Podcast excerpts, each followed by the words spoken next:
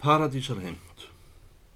Fjórði kapitúli Hesturinn og örlögin.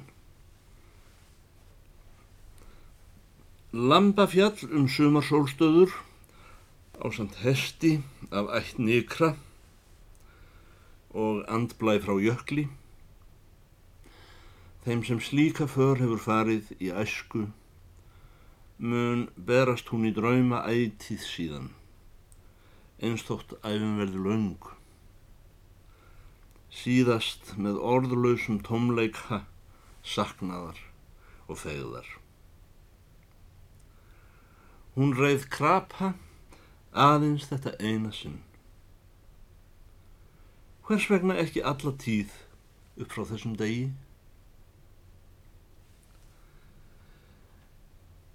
Ég nefndi viður í fyrra steinar að láta mér eftir þann gráa upp á einhver bíti núna í sömar þegar ég rýð söður að hitta jöður. Það er ekki einskisvert að koma vel ríðand á þingvörl og því líkum degi ekki síður gagvart öðrum síslum en dönum sjálfum. Steinar í hlýðum skrikti við eftir vanda sínum. Oft hef ég dást að hestum yfir valdsins aði hann Mikið eru það tröstir gripir og góður í vötn. Ekki nú hálfverki á því. Um kong skal ég ekki segja. En gaman þætti mér að sjá þann síslumann hérlendis sem betur veri ríðandi. Já eða nei, sagði síslumadurinn. Hann var á í ferð eins og önnur yfirvöld og mátti ekki vera að því að hlusta á vífilengjur. sagði Steinar í hlýðum og rendi niður mun vatni sínum. Þá er nú þar til máls að taka vinur að þessi hestur sem þú talar um er í mesta máta óreindur gripur og allinu sinni full tamin. En það vil svo til að hann hefur orðið söguhestur barnana hér og ef nokkuð væri þá er hann þess virði sem hann er í augum þeirra meðan þau eru ung og smá. Það er lífshægt að setja börn upp á ótemjur, sagði síslumöður. Það var að binda þau niður á gamla hjálka. Reyndar hef ég nú gert lítið að því að setja hann undir þau enn sem komið er, sagði bóndin en með leif að segja þá er ég vanur að vísa til hans krapa þegar ég segi þeim sögur af æðri hestum eins og hestinum grana sem Sigurdur Fápnisbenni reið þegar hann fór að fljúast á við ormin Ellegur honum faksans Hrafkjells sáluga freyskoða þeim hesti sem Guðin Freyr fór í með þeim formála að einn og sér hver sem honum ríði, annar en goðin sjálfur, skildi öngu fyrir tína með lífinu. Og uh, þá var ég ekki heldur vanur að gleyma honum sleipni sem hleypur vetrarblöytina, áttfættur, svo stjórnundnar hrapa. Ellegar ég segi sem sofið þau, að fólinn kunni að vera nýkurinn og hefði gengið hér upp úr lóninu blessaður aðlingurinn minn. Síslumæðurinn kvekti í pípunni sinni. Það þýðir eitt að vera með fótsögum við mig, sagði hann. Ég get búið til mína sögur sjálfur, lagsi. Þið varðu ykkur ekki á því, mendakallar að hann Sigurður Fáfnisbani er laungu komin til helvítis með orminum og öllu pumpverskinu.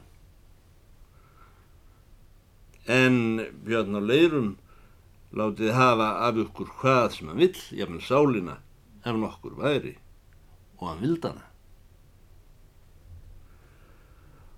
Og ekki hafði ég nú hugsað mér að hann Björn minn á leirum riðinum að hæfilega langt á honum krapa okkar Er þó björn alls góðs maðurklegur að minni hálfu, saði Steinar hlýðum.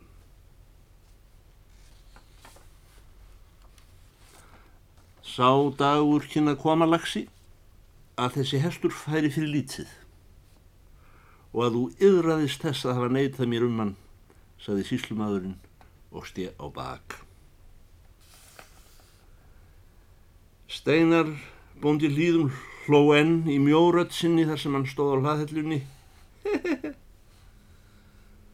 Veit ég vel að aldrei hefur þótt hæfa að fátækur maður í ætti fríðan hest. En það skils mér að af þeirri sög séu þið nú farnir heldur en ekki að gera að gannukkar við mig blessaður stórhöfðinjarnir. Og þá er að taka því vinur, hittar sannast mála að þess kynni að vera skant að býða að hesturinn svotni hætti að vera öðrum hestum merkilegri og ef tilvillar sá dagur kominn þó ég veigri mér við að trúa því.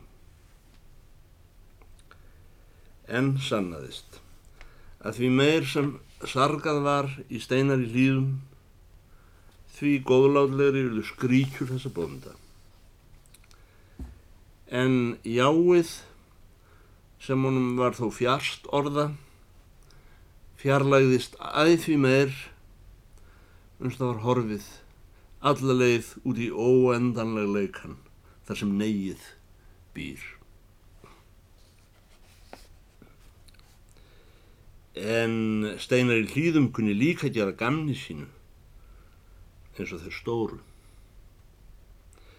Var ekki örgrandum að ímsir kýmdu þegar það spurðist að hann hefði neytað bæði yfirvaldinu og byrni á leirum að selja þeim hest til þingvallaræðar en gert heyrin kunnugt að hann ætlaði að ríða sjálfur að áliðnum slætti og hilsa jöfri. Nú var löngu afráðið hverjir dándimenn úr héradi skildu ríða söður í förunæti síslunans. Óþarft að taka fram að steinari hlýðum var ekki í þeim flokki. En hann virtist ekki setja fyrir sig þó hann ríði einn sér. Því var ekki neitað að eitthvað var í fari þessa hess sem stakk í stúf við aðra hesta og smækkaði þá.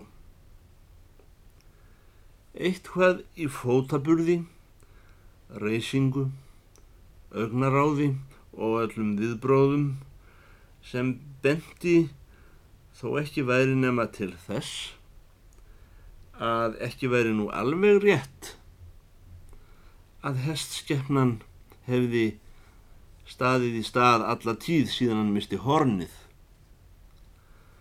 að þróunans væri ekki öll á enda þó myndast hefði á honum einhver sá fullkomnasti fótur sem sögur fara af með aðeins einni tá í áföstum skó. En þessi sérstæki herstur var að minnstakosti eins og Pávinn að sínuleiti, ekki aðeins yfir öðrum hestum, heldur öllu umhverfi sínu, grundum, vötnum, fjöllum. Öngum blöðum var um það að fletta að þessum hesti ætlaði steinar í hlýðum að ríða á fund konungs eða eins og hann komst að orði af vanalegu lítillæti við nágranna sína.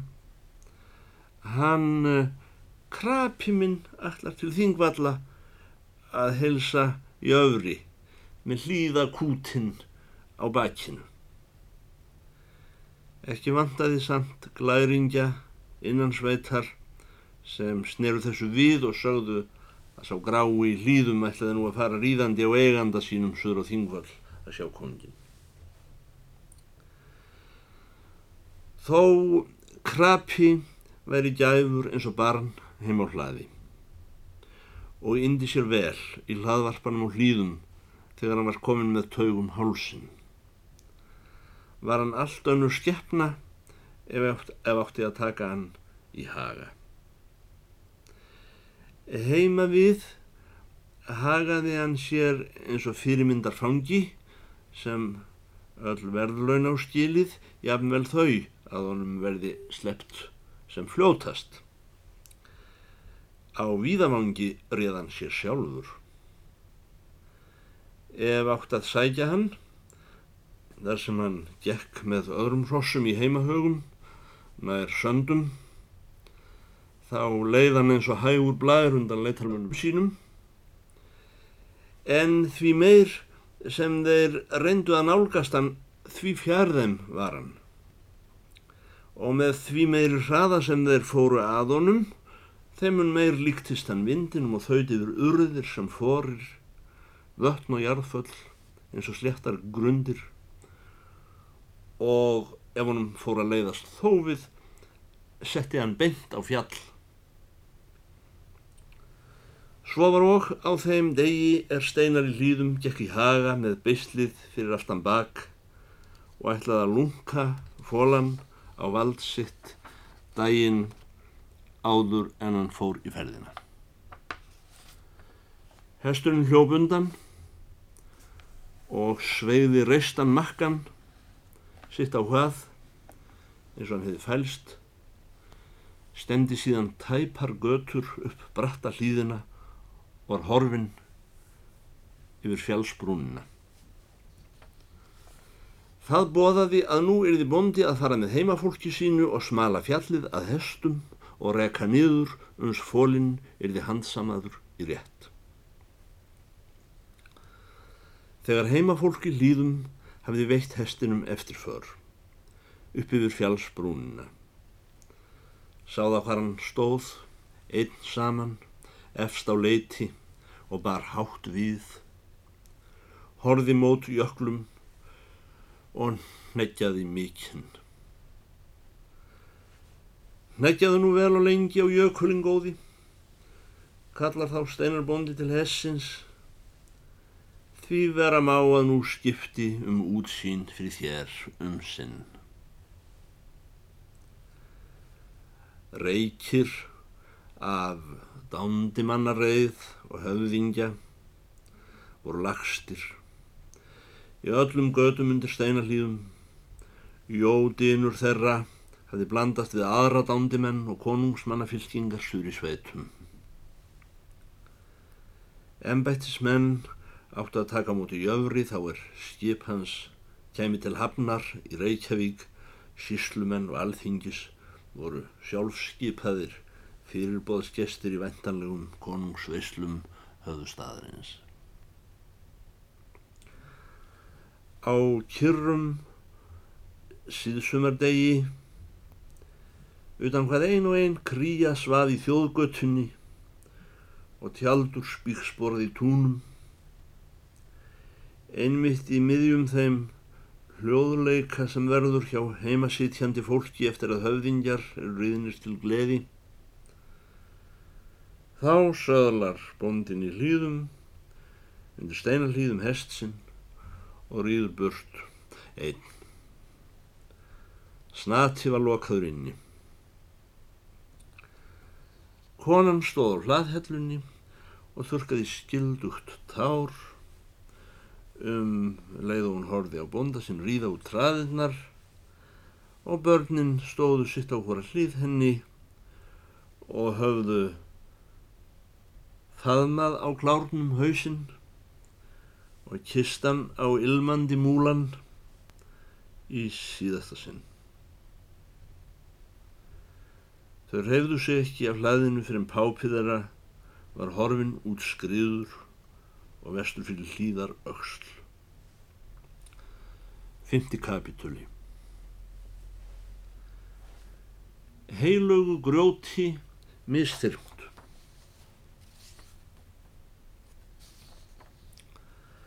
Í brennugjá, þar á þingvöllum sem áður var týðkað að leiðamenn á bál. Hafiði dáltill hópur bænda sapnast saman í ljósa skiptónum þetta síðsumar kvöld daginn fyrir konungskomuna. Urðinn undir berginu er mikilsti hulinn gamburmosa og á mannhæðar grjót blökk sem var mosavaksinn til hálfs.